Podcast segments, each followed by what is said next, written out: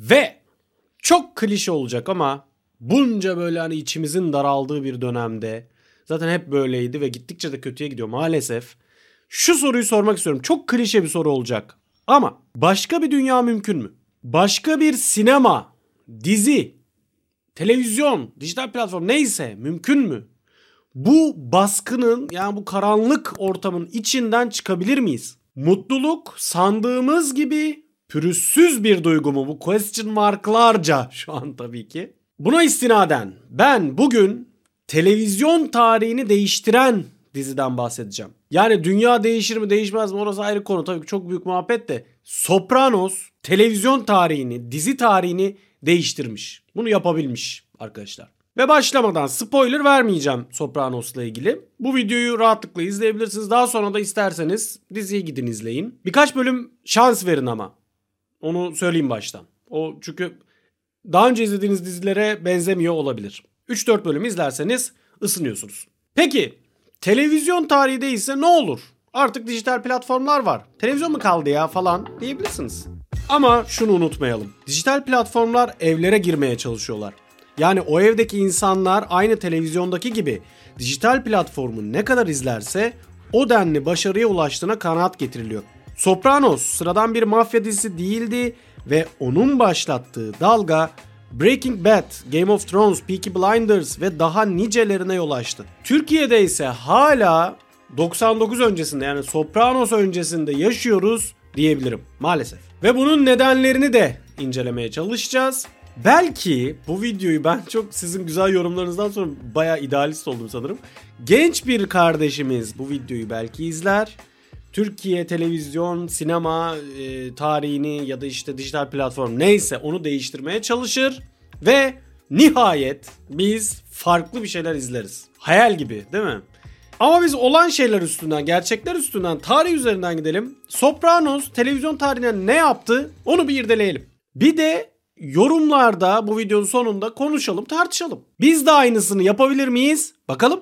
Hadi hazırsanız başlayalım.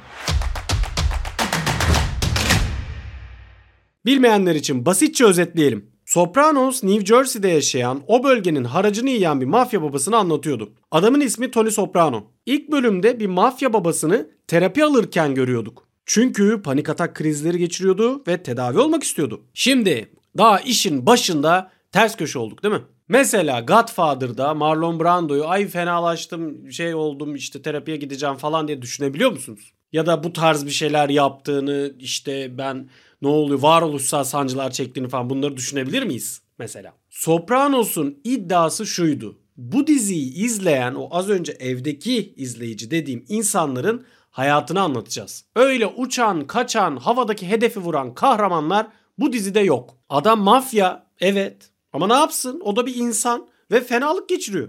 Güllük gülistanlık bir hayatı da yok. Kelle koltukta yaşıyor. Arkadaşlar filmleri neden beğeniriz, neden aklımızda sadece bir kısmı kalır falan diye bir seri yapmak istiyorum. Orada da şunu anlatacağım. Film veya dizi, özellikle televizyon sizin coşkularınızı hedef alır. Bizim dizilerden örnek verelim. Çok basit oldukları için oradan gideceğim. Paranız yoktur. Dizide kesin holding vardır. Neden? Parası olan insanların hayatını merak ederiz. Paralı olmak isteriz. Asmalı Konak'ta hatırlıyor musunuz? Seymen Ağa nasıl zengindi böyle?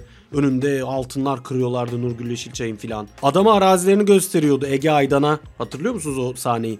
Bak burası ufka kadar benim deyip böyle burnunu çekiyordu, dürtüyordu, adam dengesini kaybediyordu filan. Bizde olmayan onda vardı. Yani parası vardı, herkes atar gider yapıyordu, şekil yapıyordu. İnanılmaz güçlü bir karakterdi yani. Güçlü derken bizim yapamadıklarımızı yapıyordu anlamında diyorum. Günümüze dönelim. Yine pek değişiklik yok. Yerli dizilerin yine vazgeçilmezi. Herkes birbirine ayar veriyor. Ben ne yapacağımı biliyorum sana. Hmm filan gibi büyük laflar, küslükler, ihtiras, kan, gözyaşı, takır takır silahlar sorunlarını birbirine öldürerek kökünden çözüyorlar filan. Hemen Sopranos'a karşılaştıralım. Mafya dizisi izliyorsunuz Sopranos'u izlerken ama Birini öldürmek öyle kolay bir şey değil arkadaşlar dizide yani gerçek hayatta değil tabii onu bilmiyorum. İşte Çukur'da bilmem ne de bir sahnede 100 kişi ölüyordu ya yok öyle bir hayat yani bunu herkes biliyor. Sopranos'ta biri öldüğü zaman ne yapacaklarını şaşırıyorlar. Çünkü o adam kaybolduktan sonra ailesi sevdikleri bunları arayacak. Varsa onların içinde muhbir varsa bunları ihbar edecek. Adamcağızın cesedi ne olacak? O bir bulunursa bitti adamımız yani baş karakterimiz falan filan. Ve başta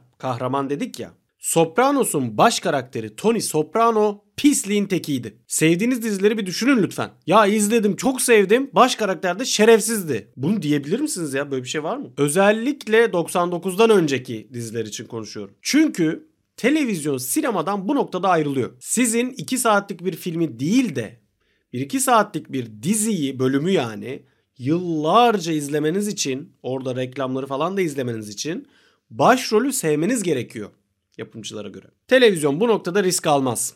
Baş karakter örnek biridir. Kusursuza yakındır. Toplumun affetmeyeceği bir şey yaparsa cezasını çeker. Büyük makine onu cezalandırır. Ama Sopranos'ta öyle değildi. Pis herif bazen insanları döverek, bazen tehdit ederek, bazen de villasının önünde son ses müzik açarak manipüle ediyordu. Kendi adamlarına dahi güvenmiyor. Gerekirse onları da aşağılıyordu. Sırf o da değil. Sopranos ne demek? Soprano ailesi. Ailenin her ferdinin ahlaksız bir tarafı vardı. Aynı gerçek hayattaki karakterler gibi. 99 senesinde Amerikan televizyonunda böyle bir dizi çekmek devrimsel bir hareketti. Tutar mı tutmaz mı orası çok böyle muammaydı ama dizi garip bir şekilde tuttu. Mafya dizisiydi ama seyirci için, klasik şeyleri bekleyen seyirci için hayal kırıklığıydı. Dilinden jilet atan, bir mekana girdi mi herkesi bir kurşunla 20 kişiyi ardarda arda öldüren, havalarda taklalar atan adamlar yoktu. Bazen dümdüz konuşuyorlardı ve sadece bunu izliyorduk. Alakasız konular, günlük sohbetler, dizi böyle akıyordu.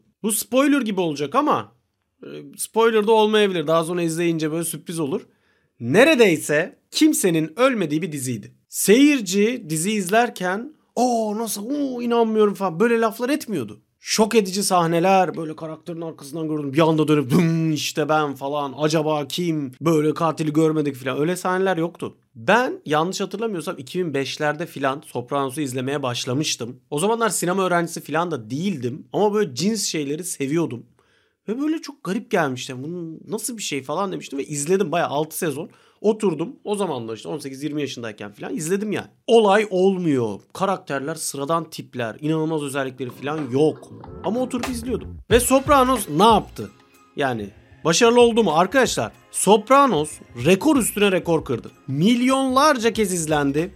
Emmy ödüllerinde, diğer ödüllerde onlarca, yüzlerce ödül aldı. O artık bir televizyon efsanesiydi. Ve bize şunu gösterdi. Baş karaktere hayranlık duymadan. Onu bazen eleştirip bazen de ulan köfteor falan deyip izleyebilirsiniz. Bir diziye bağlılık duyabilirsiniz bu noktada. İnsanları paraya, pula, şan, şöhrete özendirmeden dizi izletilir. Yine Godfather'a gidelim. Vito Corleone'nin çalımından geçilmez değil mi? Tabi o film bir başyapıt.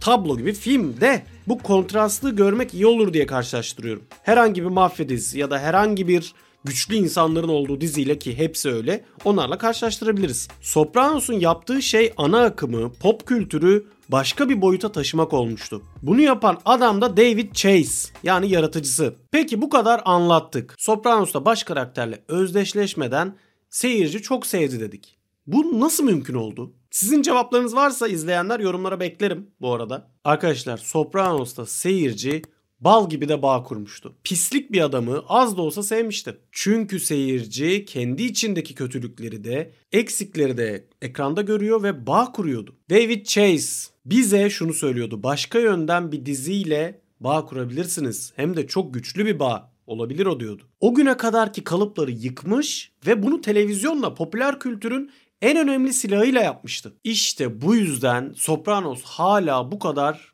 konuşuluyor, geçerliliğini koruyor. Özellikle global arenada yönetmen, yapımcı, senarist kime sorsanız ki böyle bir istatistik de var Wikipedia'da yanlış hatırlamıyorsam. Sopranos'u size favori dizisi olarak söyler. Yani bu işi yapacaksanız, bu işte farklı bir şeyler de yapacaksanız bu diziyi bir izlemek, bilmek gerekiyor. Tabi Sopranos diyorsak başrol James Gandolfini'den de bahsetmemek olmaz. Sade oyunculuğuyla televizyon efsaneleri arasına giren James Gandolfini maalesef 10 yıl önce aramızdan ayrıldı. Öldüğünde sadece 51 yaşındaydı. Sopranos süresince yani 6 sezon boyunca kariyerinin zirvesini yaşadı. Arkadaşlar inanılmazdı ya. Yani rolünü çok iyi icra ediyordu. Gerçek mafya üyeleriyle gidiyordu, konuşuyordu, fikirlerini alıyordu. Gerçek mafya üyesi buna diyordu ki bir mafya babası asla şort giymez. Bu konuşmadan sonra bir daha hiç kayıtlarda şort giymedi.